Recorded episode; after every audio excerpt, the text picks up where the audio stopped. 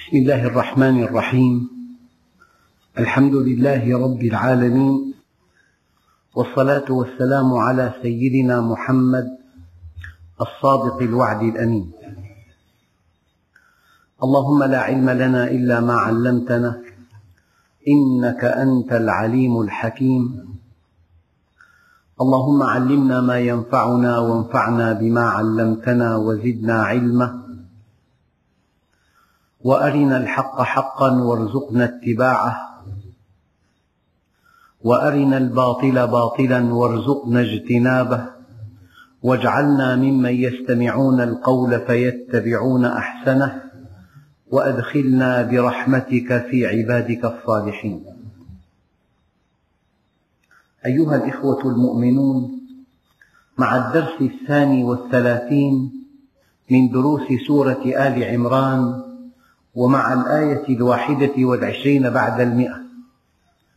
أيها الإخوة بينت لكم في الدرس الماضي أن هناك ستين آية تتحدث عن موقعة أحد. وقبل الشروع في تفسيرها بفضل الله عز وجل وتوفيقه أردت أن أقف وقفتين. وقفة عند المعاني الدقيقة التي يمكن أن نستنبطها من معركة أحد والوقف الثاني حول تفاصيل هذه المعركة من أجل أن تكون أرضية لشرح الآيات التي بعدها. وقد بينت لكم أيضا في الدرس الماضي حديثا حول تفاصيل هذه المعركة ووصلت إلى أن هؤلاء المشركين حينما التفوا على المسلمين من ظهورهم بسبب معصية الرماة لرسول الله صلى الله عليه وسلم التفوا على الرماة وقتلوا من بقي منهم. كلكم يعلم أيها الإخوة أنهم حينما رأوا الكفار يولون الأدبار قالوا الغنيمة الغنيمة فذكرهم أميرهم عهد رسول الله صلى الله عليه وسلم فلم يسمعوا وظنوا أنه ليس للمشركين رجعة فذهبوا في طلب الغنيمة. وأخلوا الثغر ولم يطع أميرهم منهم إلا نحو العشرة. فكر المشركون وقتلوا من بقي من الرماة ثم أتوا الصحابة من ورائهم. أيها الإخوة المسلمون هزموا مرتين والنبي صلى الله عليه وسلم بين ظهرانيهم. هزموا المرة الأولى لأنهم عصوا أمر قائدهم. وهزموا في المرة الثانية في حنين لأنهم داخلهم شرك خفي فقالوا لن نغلب من قلة. فالإنسان حينما يستغني أو حينما يعتد بنفسه لا يستحق نصر الله عز وجل. وحينما يخالف الأمر الإلهي الذي جاء عن رسول الله صلى الله عليه وسلم لا يستحق النصر. قد يقول قائل لو أن الله جل جلاله نصرهم فهم المؤمنون وهم أصحاب رسوله والنبي صلى الله عليه وسلم وهو سيد الخلق وحبيب الحق بين ظهرانيهم لم لم ينصرهم على خطئهم؟ لو أن النصر جاء بعد أحد على ما فعل الرماة من معصية رسول الله لسقطت قيمة الأمر النبوي. أنت كمؤمن ينبغي أن تفتقر إلى الله دائما توحيدا وينبغي أن تنفذ الأمر تطبيقا. فإن أخللت بأحد هذين الشرطين لا تستحق نصر الله. وهذا يعلمنا الآن أننا إذا أردنا أن ننتصر على أعدائنا لا بد من أن نحكم إيماننا لا بد من أن نحكم توحيدنا لا بد من أن نعمق فهمنا لتوحيد الألوهية في القرآن الكريم. بعد ذلك نستحق النصر. ثم أتوا الصحابة من ورائهم وهم ينتهبون. هم يأخذون الغنائم وقد التف عليهم جيش المشركين. فأحاطوا بهم واستشهد منهم من أكرمه الله. استشهد من هؤلاء من أكرمه الله. ووصل العدو إلى رسول الله. تعلمنا هذه الواقعة أن هذا العطاء الكبير في الآخرة لا بد له من امتحان صعب. فكلما كان المغنم كبيرا كان الامتحان صعبا. فهذا النبي صلى الله عليه وسلم وهو سيد الخلق وحبيب الحق دخل في مضائق صعبة جدا. هذه المضائق صبر وانتصر على ذاته فاستحق هذا المقام العلي. ألم يقل عليه الصلاة والسلام سلوا لي الوسيلة فإنها مقام لا ينبغي إلا لواحد من خلقه وأرجو أن أكون أنا. يعني استنباطا من هذا لا تتمنى أن تصل إلى مقامات عالية في الجنة من دون ثمن. لا تتصور أن الله يمكن أن يعطيك عطاء لا حدود له من دون ثمن من دون امتحان. لا بد من أن توضع في امتحان صعب. لا بد من أن تمتحن. لا بد من أن توضع في ظرف عصيب. هل تصبر أم لا تصبر؟ وصل المشركون إلى رسول الله. وقاتل مصعب بن عمير صاحب اللواء دونه حتى قتل. الذي كان يحمل لواء رسول الله صلى الله عليه وسلم وهو مصعب بن عمير قتل. وجرح رسول الله صلى الله عليه وسلم في وجهه. أرسله الله رحمة للعالمين لينقذ الضالين من عذاب الدنيا وعذاب الآخرة. هؤلاء الذين حاربوه آذوه. لذلك شر الخلق قاطبة من قتله نبي أو من قتل نبيا. جرح النبي صلى الله عليه وسلم في وجهه وكسرت رباعيته اليمنى السفلى بحجر. جرح وكسر أحد أسنانه. وهشمت البيضة في رأسه. يقال إن الذي تولى ذلك عتبة بن أبي وقاص. وعمرو بن قميئة الليثي وشد حنظلة الغسيل على أبي سفيان ليقتله فاعترضه شداد بن الأوس الليثي في شعوب فقتله وكان جنبا يعني استيقظ وكان في جنابة فقتل قتل جنبا فأخبر النبي صلى الله عليه وسلم فقال إن الملائكة غسلته. وقد استنبط أن الذي يقتل شهيدا لو قتل جنبا فالملائكة تغسله. وأكبت الحجارة على رسول الله صلى الله عليه وسلم حتى سقط في بعض حفر هناك. جرحت وجنته وكسرت رباعيته. وهشمت البيضة من على رأسه وسقط في حفرة وهو سيد الخلق وحبيب الحق. بينت لكم أيها الإخوة أن هناك مصائب تصيب الأنبياء. إنها من نوع خاص مصائب الكشف لأنهم ينطوون على كمال لا يمكن أن يظهر إلا في مثل هذه الحالات.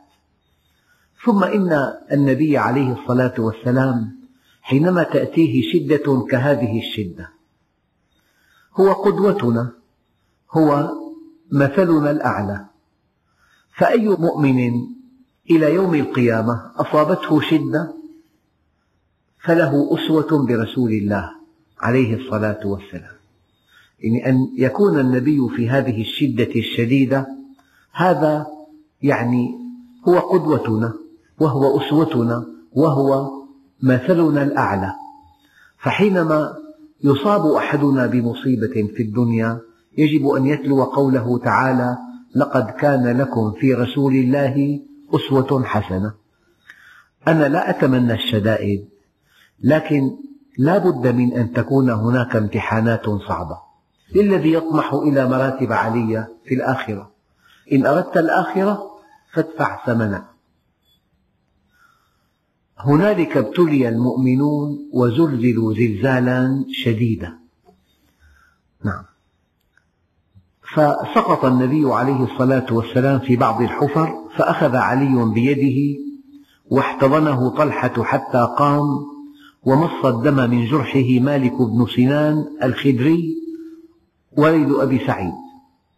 ونشبت حلقتان من حلق المغفر في وجهه صلى الله عليه وسلم. يعني حلقتان من حلقات الدرع. فانتزعهما أبو عبيدة بن الجراح فندرت ثنيتاه فصار أهتم. أبو عبيدة انتزع حلقتين من حلقات المغفر انغرزتا في وجنة النبي صلى الله عليه وسلم. انتزعهما بأسنانه فأصبح أهتم. ولحق المشركون برسول الله صلى الله عليه وسلم. وكر دونه نفر من المسلمين فقتلوا كلهم. أذكركم بما قلت لكم في الدرس الماضي من أن أصحاب النبي دفعوا ثمن هذا الدين باهظا. حتى وصل إلينا إلى بلادنا. هم فتحوا هذه البلاد ونشروا الحق في الخافقين. هم بذلوا دماءهم وبذلوا الغالي والرخيص والنفس والنفيس حتى وصل هذا الدين إلينا. ولولا جهادهم واستشهادهم لكانت هذه البلاد تابعة لبلاد أخرى. نعم. وكر دونه نفر من المسلمين فقتلوا كلهم. وكان آخرهم عمار بن زيد ثم قاتل طلحة حتى أجهض المشركون وأبو دجانة يلي النبي صلى الله عليه وسلم. كان يلي النبي مدافعا عنه بظهره وتقع فيه النبل فلا يتحرك. يلي النبي ويأتيه النبل من ظهره. يعني جل ما هنالك أن يقال للإخوة المؤمنين تعالوا احضروا درس التفسير. تعالوا استمعوا إلى هذه الخطبة. تعالوا افعلوا هذا العمل. هذا الذي فعله أصحاب النبي. شيء يفوق حد الوصف. من شدة حرصهم على سلامة نبيهم.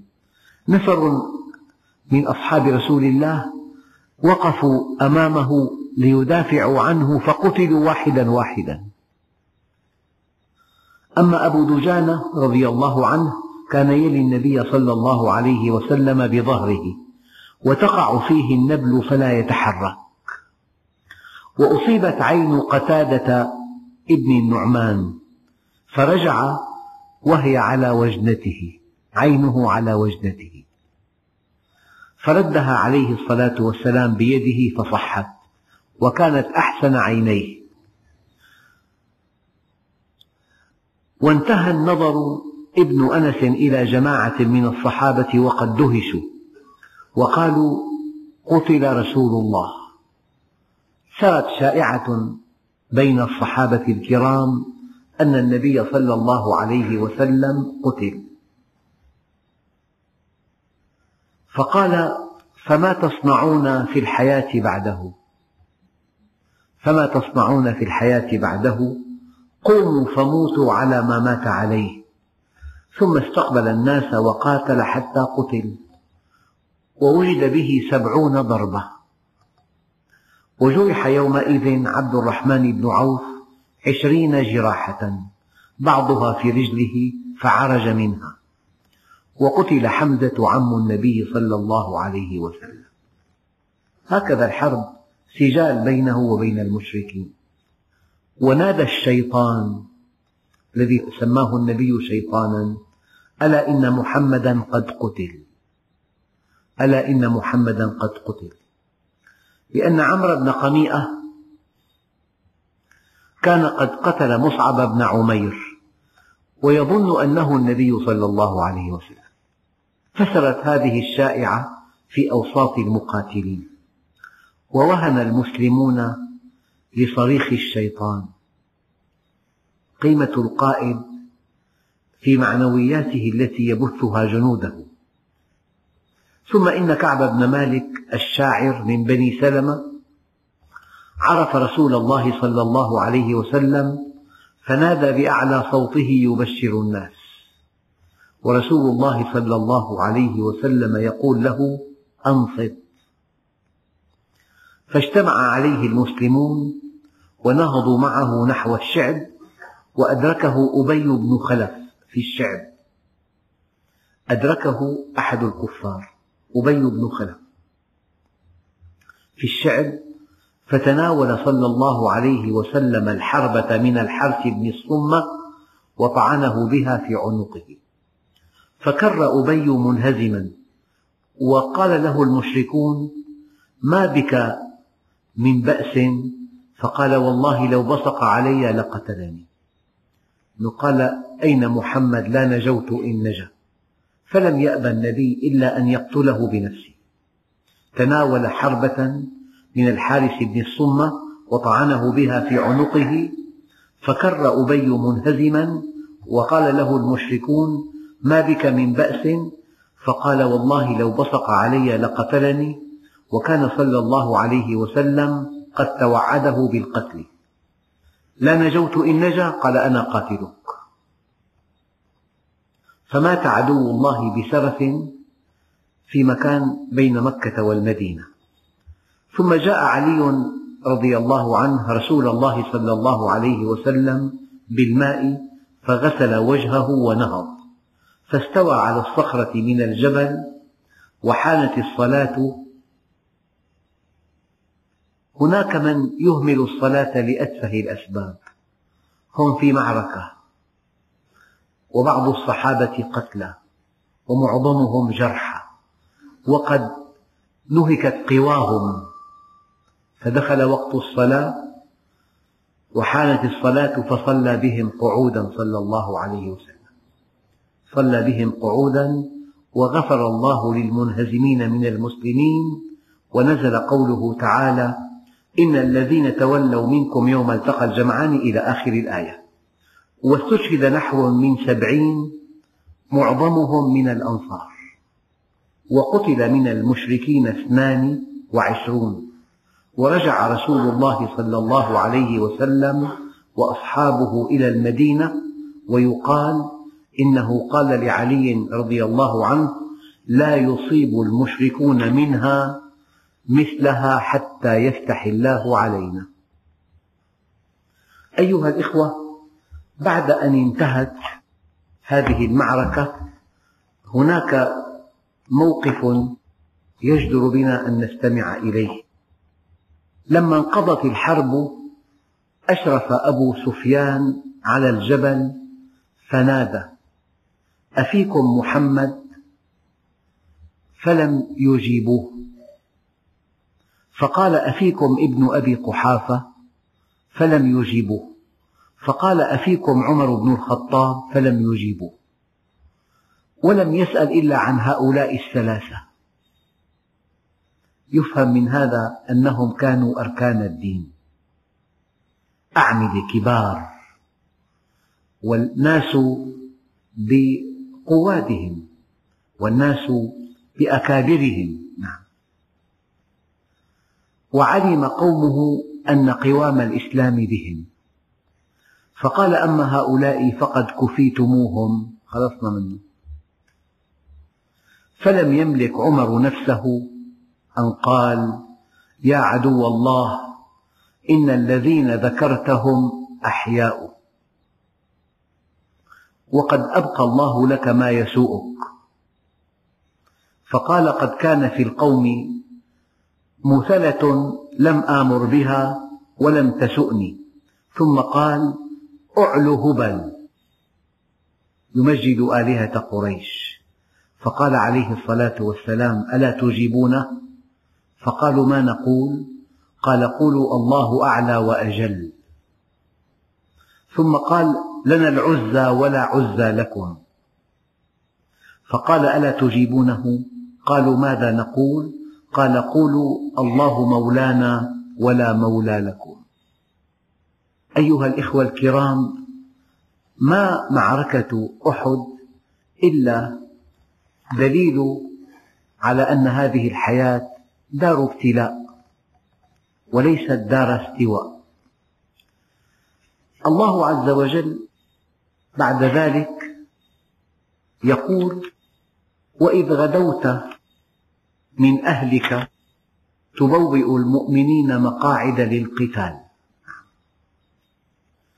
والله سميع عليم.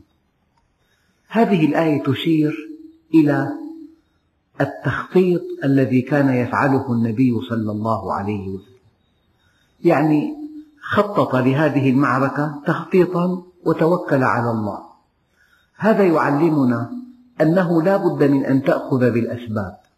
فالنبي عليه الصلاة والسلام كان يعلم ما عند أصحابه من ميزات فقد بوأ كل واحد منهم بمكانه الصحيح. والله سميع عليم يعني سميع لما تدعونه به وعليم بأحوالكم وإذ غدوت من أهلك تبوئ المؤمنين مقاعد للقتال والله سميع عليم إذ همت طائفتان منكم أن تفشلا والله وليهما وعلى الله فليتوكل المؤمنون. الفشل هنا هو الضعف. والله عز وجل يريد أن يذكرهم ببدر. لماذا انتصروا ببدر؟ قال ولقد نصركم الله ببدر وأنتم أذلة. أنتم ضعاف. أذلة أي إنكم ضعاف أو أقلة فكنتم أذلة. وبعضهم قال أذلة أي مفتقرون إلى الله عز وجل. إما أنها تصف العدد القليل ومع العدد القليل ضعف وذلة وإما أن تصف حالهم مع الله عز وجل حالهم حال افتقار إلى الله عز وجل. ولقد نصركم الله ببدر وأنتم أذلة فاتقوا الله لعلكم تشكرون. وقد ذكرت لكم أن المؤمن دائما وأبدا بين امتحانين. إذا قال الله تولاه الله بالرعاية والتوفيق وإذا قال أنا تخلى الله عنه. فأنت بين التولي والتخلي بين التولي والتخلي. أصحاب النبي رضوان الله عليهم افتقروا إلى الله في بدر فتولاهم بالنصر وعصوا أمر قائدهم في أحد فتخلى الله عنهم. واعتدوا بعددهم في حنين فتخلى الله عنهم. يمكن أن نأخذ هذا درسا لحياتنا اليومية. إن عصيت لا بد من دفع الثمن. وإن أشركت شركا خفيا لا بد من دفع الثمن. وحينما يدفع أصحاب النبي وهم خيرة الخلق الثمن على خطأ مادي أو معنوي على معصية لقائدهم أو على اعتدادهم بعددهم. وقد دفعوا الثمن فمن نحن حتى لا نعاقب إذا وقعنا في الخطأ نفسه. ولقد نصركم الله ببدر وأنتم أذلة فاتقوا الله لعلكم تشكرون. والمؤمن الصادق يراقب الله دائما. لعلي أخطأت لعلي اعتدت بشيء. لعلي قلت أنا وينبغي أن أقول الله. لعلي اعتددت بمالي أو بذكائي أو بخبرتي. فحينما لا تحقق هدفك في الحياة لا بد من أن تلوم نفسك. لذلك ورد في بعض الأحاديث القدسية لو أن أولكم وآخركم وإنسكم وجنكم وقفوا على صعيد واحد وسألني كل واحد منكم مسألته ما نقص ذلك في ملكي إلا كما ينقص المخيط إذا غمس في مياه البحر. ذلك لأن عطائي كلام وأخذي كلام. فمن وجد خيرا فليحمد الله ومن وجد غير ذلك فلا يلومن إلا نفسه. إذ تقول للمؤمنين ألن يكفيكم أن يمدكم ربكم بثلاثة آلاف من الملائكة منزلين؟ يعني الله عز وجل يمكن أن يكون النصر من عنده مباشرة. ولكن طمأن المؤمنين أن الملائكة تدافع معكم. وهذه من كرامات الله للمؤمنين. لكرامة المؤمن عند الله الله عز وجل يرسل ملائكة يدافعون عنه ويعاونونه في ساحة المعركة. حينما تقرأ الحديث الشريف ما جلس قوم في بيت من بيوت الله يتدارسون كتاب الله إلا غشيتهم الرحمة. ونزلت عليهم السكينة وحفتهم الملائكة.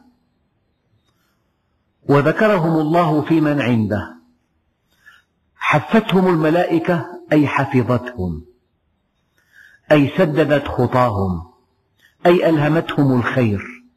وهذا ينقلنا إلى موضوع دقيق هو أن لكل إنسان ملك يلهمه وشيطان يوسوس له.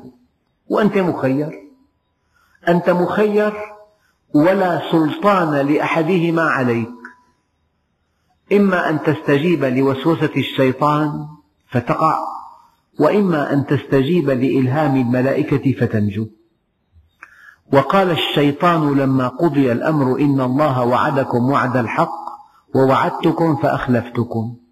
وما كان لي عليكم من سلطان إلا أن دعوتكم فاستجبتم لي. فلا تلوموني ولوموا أنفسكم ما أنا بمصرخكم وما أنتم بمصرخي. إني كفرت بما أشركتموني من قبل. هناك قرين من الجن يوسوس لك ولا سلطان له عليك. وهناك ملك يلهمك الخير ولا سلطان له عليك. وأنت مخير لك أن تستجيب إلى وسوسة الشيطان ولك أن تستجيب لإلهام الملائكة. بلى إن تصبروا وتتقوا ويأتوكم من فورهم هذا. هذه الكلمة وردت في آيات كثيرة. ومكروا مكرهم وعند الله مكرهم وإن كان مكرهم لتزول منه الجبال. وإن كان مكرهم لتزول منه الجبال ومع ذلك وإن تصبروا وتتقوا. لا يضركم كيدهم شيئا. وإن تصبروا وتتقوا. لا يضركم كيدهم شيئا. انتهى كل شيء. ونحن الآن والأعداء محيطون بنا من كل جانب. والعالم كله يتآمر على الإسلام. ولا ننجو من مؤامراتهم ولا من كيدهم ولا من تخطيطاتهم إلا إن صبرنا واتقينا. والصبر كما تعلمون في ثلاثة مواطن على طاعة الله وعن معصية الله وعلى قضاء الله وقدره. هذا هو الصبر والإيمان هو الصبر. بالمناسبة الله عز وجل رحمة بنا ما أمرنا في كل الآيات التي تتحدث عن القتال أن نعد القوة المكافئة وهذا فوق طاقة المسلمين. أمرنا أن نعد القوة المتاحة فقال وأعدوا لهم ما استطعتم من قوة ومن رباط الخيل. وقتها رباط الخيل. والقوة مطلقة ينبغي أن يكون لكل عصر قوة فكل عصر له قوة معينة. ففي عهد النبي الكريم رباط الخيل ثم جاء المنجنيق ثم جاءت المدرعات والآن المسلمون ينبغي أن يخططوا ليكونوا على مستوى آه، من الإعداد الكافي كي يسقطوا عن أنفسهم إثم عدم الإعداد. نعتمد على الله بكل ما نملك ونستعد لعدونا بكل ما نملك. بلى إن تصبروا وتتقوا ويأتوكم من فورهم هذا يمددكم ربكم بخمسة آلاف من الملائكة مسومين. وما جعله الله إلا بشرى لكم ولتطمئن قلوبكم به وما النصر إلا من عند الله العزيز الحكيم. يعني أولم تؤمن؟ قال بلى ولكن ليطمئن قلبي. أحيانا الله عز وجل يسوق للمؤمن توفيقا بأسباب مادية. كان من الممكن أن يسوق له توفيقا بلا سبب. هذا النصر أو هذا التوفيق بلا سبب قد يقلقه. فيأتيه الله بأسباب من طبيعة البشر. هذه الأسباب تطمئنه. يعني مثلا لماذا قال الله عز وجل كتب ربكم على نفسه الرحمة؟ لماذا قال الله عز وجل كتب الله لأغلبن أنا ورسلي؟ هل يكتب الله عز وجل؟ الله جل جلاله لا يكتب هذا من صفات البشر.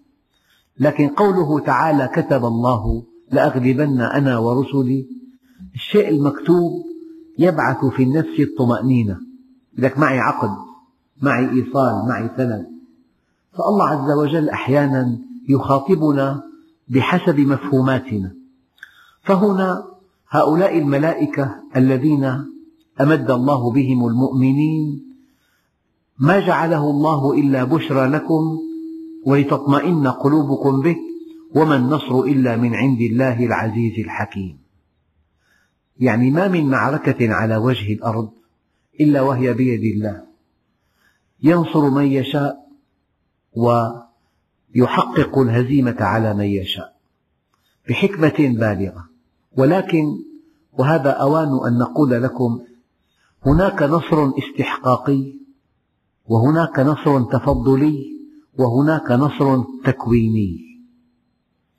حينما يقتتل مؤمنون صادقون مع أعدائهم صادقون في إيمانهم وفي توحيدهم وفي افتقارهم إلى الله وصادقون في إعداد العدة الذي علينا أن نحكم توحيدنا وافتقارنا وإيماننا وأن نعد القوة المتاحة لعدونا إن فعلنا هذا استحققنا النصر النصر الاستحقاقي. كتب الله لنا نصرا استحقاقيا. وهذا تؤكده الآية الكريمة كم من فئة قليلة غلبت فئة كثيرة بإذن الله والله مع الصابرين. في نصر آخر اسمه نصر تفضلي. هؤلاء الطرفان بعضهم أولى من بعض لكن الطرفين على انحراف. تؤكد هذه الحقيقة الآية الكريمة غلبت الروم في أدنى الأرض وهم من بعد غلبهم سيغلبون في بضع سنين لله الأمر من قبل ومن بعد. ويومئذ يفرح المؤمنون بنصر الله. الروم كانوا أهل كتاب. والفرس كانوا وثنيين يعبدون النار. فإذا تقاتل كتابي مع وثني من هو الأقرب إلى الله نسبيا؟ الكتابي. هم آمنوا بأن لهذا الكون إلها وأن هناك جنة ونارا ولكن أشركوا. لكن هؤلاء الوثنيون عباد النار. فالله جل جلاله نصر الكتابيين على الوثنيين نصرا تفضليا. يعني هم لا يستحقونه ولكن حكمة الله اقتضت أن ينتصر هؤلاء على هؤلاء. لكن المشكلة في النوع الثالث. حينما يشرد الفريقان عن الله وحينما لا يعتد لا يعتد الفريقان بالإيمان ولا بالاستعداد وينطلقان من كفر بالله ومن تهميش لكل جانب ديني في حياتهم عندئذ ينتصر الأقوى والذي يملك أسلحة أحدث. فكل صفات النصر عندئذ متعلقة بالإعداد والسلاح وما إلى ذلك. هذا النصر اسمه نصر تكويني. ليقطع طرفا من الذين كفروا أو يكبتهم فينقلبوا خائبين. الأمر بيد الله. ويؤكد هذا قوله تعالى ليس لك من الأمر شيء. الأمر بيد الله. وحينما تعلم أن يد الله تعمل في الخفاء وحدها وليس لأحد من الأمر شيء ألم يقل الله عز وجل أفمن حقت عليه كلمة العذاب؟ أفأنت تنقذ من في النار؟ قل لا أملك لكم نفعا ولا ضرا. قل لا أملك لنفسي نفعا ولا ضرا. هذا هو التوحيد وما تعلمت العبيد أفضل من التوحيد. الأمر كله بيد الله. وأنت حينما توحد وصلت إلى أعلى درجة في العلم نهاية العلم التوحيد ونهاية العمل التقوى. ليس لك من الأمر شيء أو يتوب عليهم أو يعذبهم فإنهم ظالمون. يعني يتوب عليهم لحكمة أرادها يعذبهم لحكمة أرادها. وهذا من شأن الله وحده. وقد أكد هذا المعنى القرآن الكريم في آية أخرى إن تعذبهم فإنهم عبادك وإن تغفر لهم فإنك أنت العزيز الحكيم. أيها الإخوة حينما تصل إلى أن الله وحده المتصرف ولا أحد سواه وأن سيد الخلق وحبيب الحق لا يملك لك نفعا ولا ضرا وأنه ما من مخلوق على وجه الأرض يملك لك نفعا ولا ضرا وأن الخلق جميعا بيد الله هو الذي يحركهم هذا هو التوحيد. أحد الأنبياء قال فكيدوني جميعا ثم لا تنظرون إني توكلت على الله ربي وربكم. ما من دابة إلا هو آخذ بناصيتها. إن ربي على صراط مستقيم. والله أيها الإخوة حتى في التفاصيل حتى في حركتك اليومية حتى في تجارتك حتى في بيعك وشرائك حتى في امتحاناتك حتى في سفرك الأمر كله بيد الله. فحينما تتجه إلى الله وحده وحينما تأخذ بالأسباب ثم تتوكل على رب الأرباب هذا هو الموقف الإيماني. ليس لك من الأمر شيء. حتى لو أنك انتزعت من فم النبي صلى الله عليه وسلم فتوى لصالحك. ولم تكن محقا لا تنجو من عذاب الله. فهذا الذي يعلق آمالا على زيد أو عبيد ويضع كل ثقته بفلان أو علان وقع في شرك خفي. وكما تعلمون أيها الإخوة الشرك الجلي قل ما يقع به مسلم. يعني ما في مسلم يعبد صنما من دون الله. أخوف ما أخاف على أمتي الشرك الخفي. أخوف ما أخاف على أمتي الشرك الخفي.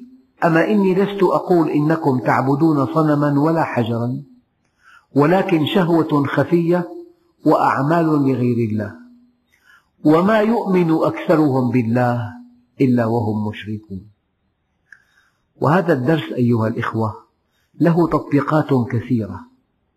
أنت غدا في عملك حينما ترضي إنسانا وتعصي خالقا وقعت في الشرك حينما تكسب مالا حراما إرضاء لزوجتك وقعت في الشرك رأيت رضاها أعظم من رضاء الله عز وجل. فأكثر أخطاء المسلمين سببها شرك خفي. حينما تنافق وقعت في الشرك رأيت أن هذا الذي تنافق له ينفعك أو يضرك. لو رأيت أنه لا ينفعك ولا يضرك لا تنافق له. حينما حج بعض خلفاء بني أمية فسألوا عن عالم جليل في مكة المكرمة كي يكرموه فدل على عالم من علماء مكة. قال له الخليفة سلني حاجتك وهو في بيت الله الحرام. قال والله إني أستحي أن أسأل غير الله في بيت الله. أستحي أن أسأل غير الله في بيت الله. فلما التقى به خارج الحرم قال له سلني حاجتك. قال والله ما سألتها من يملكها أفأسألها من لا يملكها؟ فلما أصر عليه قال لي عندك حاجة أن تنقذني من النار وأن تدخلني الجنة. قال هذه ليست لي. قال إذا ليس لي عندك حاجة. هذا الكلام له تطبيقات واسعة غدا. في بيوتكم وفي أعمالكم وفي تجارتكم وفي وظيفتكم وفي نشاطاتكم. حينما تتجه إلى إنسان وتعلق عليه الآمال فقد وقعت بشرك خفي. لك أن تأخذ بالأسباب لكن قلبك معلق بالله. ترى أن الله يلهمه أو لا يلهمه. يعطيك أو لا يعطيك بأمره وحده. ليس لك من الأمر شيء. قلت لكم قبل قليل حتى لو استطعت أن تنتزع من فم النبي صلى الله عليه وسلم فتوى لصالحك ولم تكن محقا لا تنجو من عذاب الله. حينما وافت النبي صلى الله عليه وسلم المنية ودخل الصديق وكشف عن وجهه وقبله وقال طبت حيا وطبت ميتا. خرج إلى المسلمين. ماذا قال؟ هذا الذي أحب النبي حبا لا حدود له. هذا الذي قدم له ماله كله. هذا الذي قال عنه النبي والله ما ساءني قط.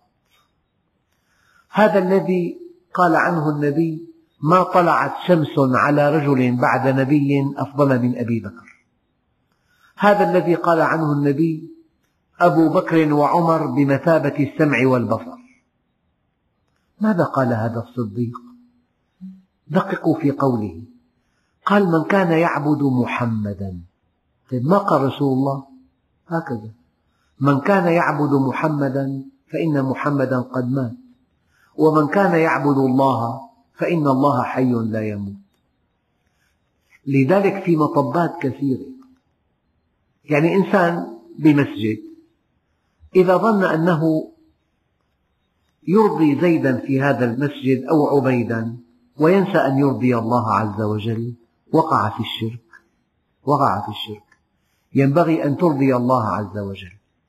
علامة إيمانك علامة إيمانك أن يستوي عملك في السر والعلانية وأن يستوي قصدك لله عند الحاجة ومن دون حاجة.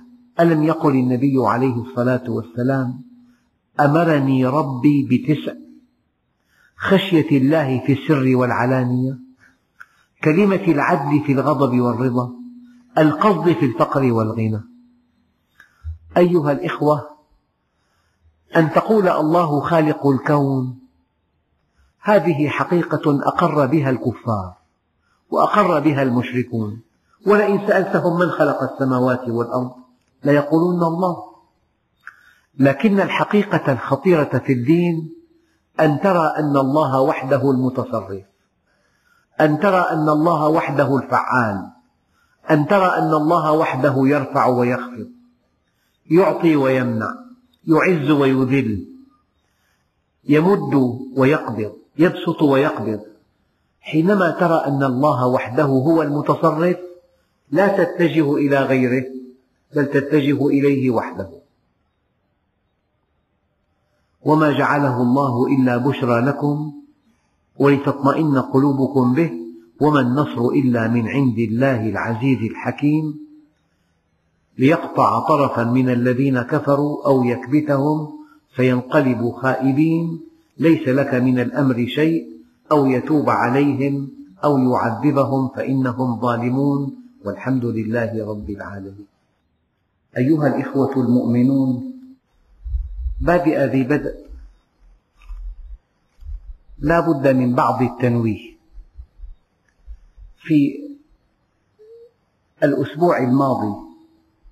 سئلت عن حكم منع الحمل وقد بينت أن الصحابة الكرام كانوا يعزلون على عهد رسول الله والعزل ألا يأتي الماء في الرحم. وقد اشترط الفقهاء على صحة العزل موافقة الزوجة لأن الرجل قد يتزوج امرأتين وله من الأولى أولاد ولا يرغب بأولاد من الثانية. لكن هذه الثانية حرمت النسل وهذا ظلم كبير فلا يسمح بالعزل إلا بموافقة الزوجة. ثم سئلت عن أنواع أساليب منع الحمل. أنا رجحت أن هذه الأساليب قد تؤذي أحيانا لأن الطب أحيانا يتاجر به ومن يقوم على صناعة بعض الأدوية من صالحه أن يروج بضاعته بكلام غير صحيح. فهناك أدوية لمنع الحمل أساسها التغيير في النظام الهرموني وهذا قد يسبب نتائج وخيمة جدا.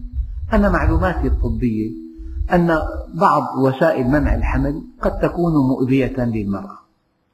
نعم. ثم أدرج في أثناء السؤال موضوع الربط. هذا بعيد عن اختصاصي أنا ظننت الربط أحد وسائل منع الحمل. ثم فوجئت أن الربط منع حمل أبدي.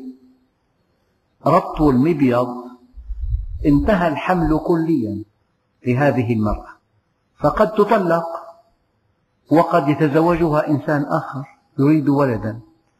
فأسلوب واحد من أساليب منع الحمل هذا لا يجوز لأنه يمنع الحمل كليا إلا أن هناك استثناء. لو أن طبيبا مسلما حاذقا ورعا أكد أن حمل هذه المرأة يميتها يميتها. عندئذ يجوز الربط. أريد من هذا أن أؤكد لكم أنه في حالات كثيرة لا بد للمفتي أن يجير فتواه إلى طبيب مسلم حاذق ورع. كلام دقيق. لا بد من أن يجير فتواه إلى طبيب مسلم حاذق ورع. وقد ضربت على هذا مثلا. لو أن واحدا سأل عالما كبيرا من أعلم علماء الأرض في الدين. أنا مصاب بمرض في القلب. أأجري عملية زرع شريان أم عملية بالون؟ لو سئل أكبر شيخ في الدنيا. هذا السؤال لا يوجه للشيخ يوجه إلى طبيب مسلم حاذق ورع. ففي حالات كثيرة تجير الفتوى للمتخصصين وهذا معنى قول الله عز وجل بين قوله تعالى فاسأل به خبيرا واسألوا أهل الذكر إن كنتم لا تعلمون. فأدرج سؤال حول الربط. أنا ظننته خطأ.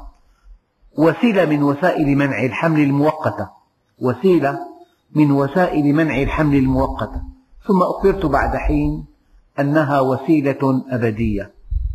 إذا لا يجوز أن نستخدم الربط لأن هذه المرأة حرمت الولد إلى الأبد. إلا في حالة إذا أقر الأطباء المسلمون الحاذقون الورعون أن هذه المرأة لو حملت لماتت. عندئذ يمكن أن نستخدم هذا. هذه واحدة. الشيء الثاني أخت كريمة. يعني أخطأ أهلها في زواجها. واحتسبت هذا عند الله ولكن أرادت أن تبصر من بعدها بمصيبتها ليتعظوا بها. أنا والله قرأت الرسالة وتأثرت. قال هي توجه رسالة إلى أمها. قالت يا أمي أنا أعيش في جحيم هنا مع زوجي في بلد نفطي. مع زوجي هذا الرجل العاجز عما تحمله الرجولة بكل معنى. نعم. هو يكبرني بالعمر بكثير فهو بعمر جدي. وأنا في الثامنة عشرة وهو في عمر الخامسة والأربعين. وهكذا أراد والدي أن يبيعني لهذا الرجل. لقاء بعض الريالات ليصرفها والدي على نفسه وأنا أعيش وأتخبط في حياتي. أرجوك يا أمي السعي بالحضور إلى مكان وجودي ونجدتي من مشكلتي لأعود معك إلى الشام. أرجوك يا أمي السعي مع القنصلية السورية هناك بالوقوف بجانبي ومساعدتي للعودة إلى الشام. أرجوك يا أمي أن تخلصيني من هذا الكابوس الذي أعيشه. الباب دوما مقفل علي. الطعام القديم الذي لا يؤكل هو طعامي في المنزل. يتركني لوحدي بالمنزل لعدة أيام بلا شيء ولا حتى سؤال عني أو مرور إلى المنزل ليسأل إذا كنت أريد شيئا. أمي رغم معرفتي بأن الانتحار هو من المحرمات في الدين الإسلامي وفي جميع الأديان ولكن كثيرا ما أفكر في الانتحار وقد أفعلها إن لم تسعفيني وتأتي بي إلى هنا. رسالة طويلة. إن هذا الذي يزوج ابنته وهي في الثامنة عشرة إلى من يكبرها بعشرات السنين من أجل دريهمات قليلة وكأنه باع ابنته. طبعا قرأت بعضا من هذه الرسالة كي تعدوا للمليون قبل أن توافقوا على زواج ابنتكم من إنسان بينه وبينها فارق كبير جدا وقبل أن توافقوا على زواج ابنتكم من إنسان قد يكون بخيلا وقد يكون قاسي القلب وقد يكون بعيدا عن كل معاني الإنسانية. هذه الأخت تريد أن أقرأ الرسالة فقط ليتعظ المسلمون بها فهي في جحيم لا يطاق وكيف لا تكون كذلك؟ وقد تجد أن الانتحار قد يكون حلا لمشكلتها. والحمد لله رب العالمين.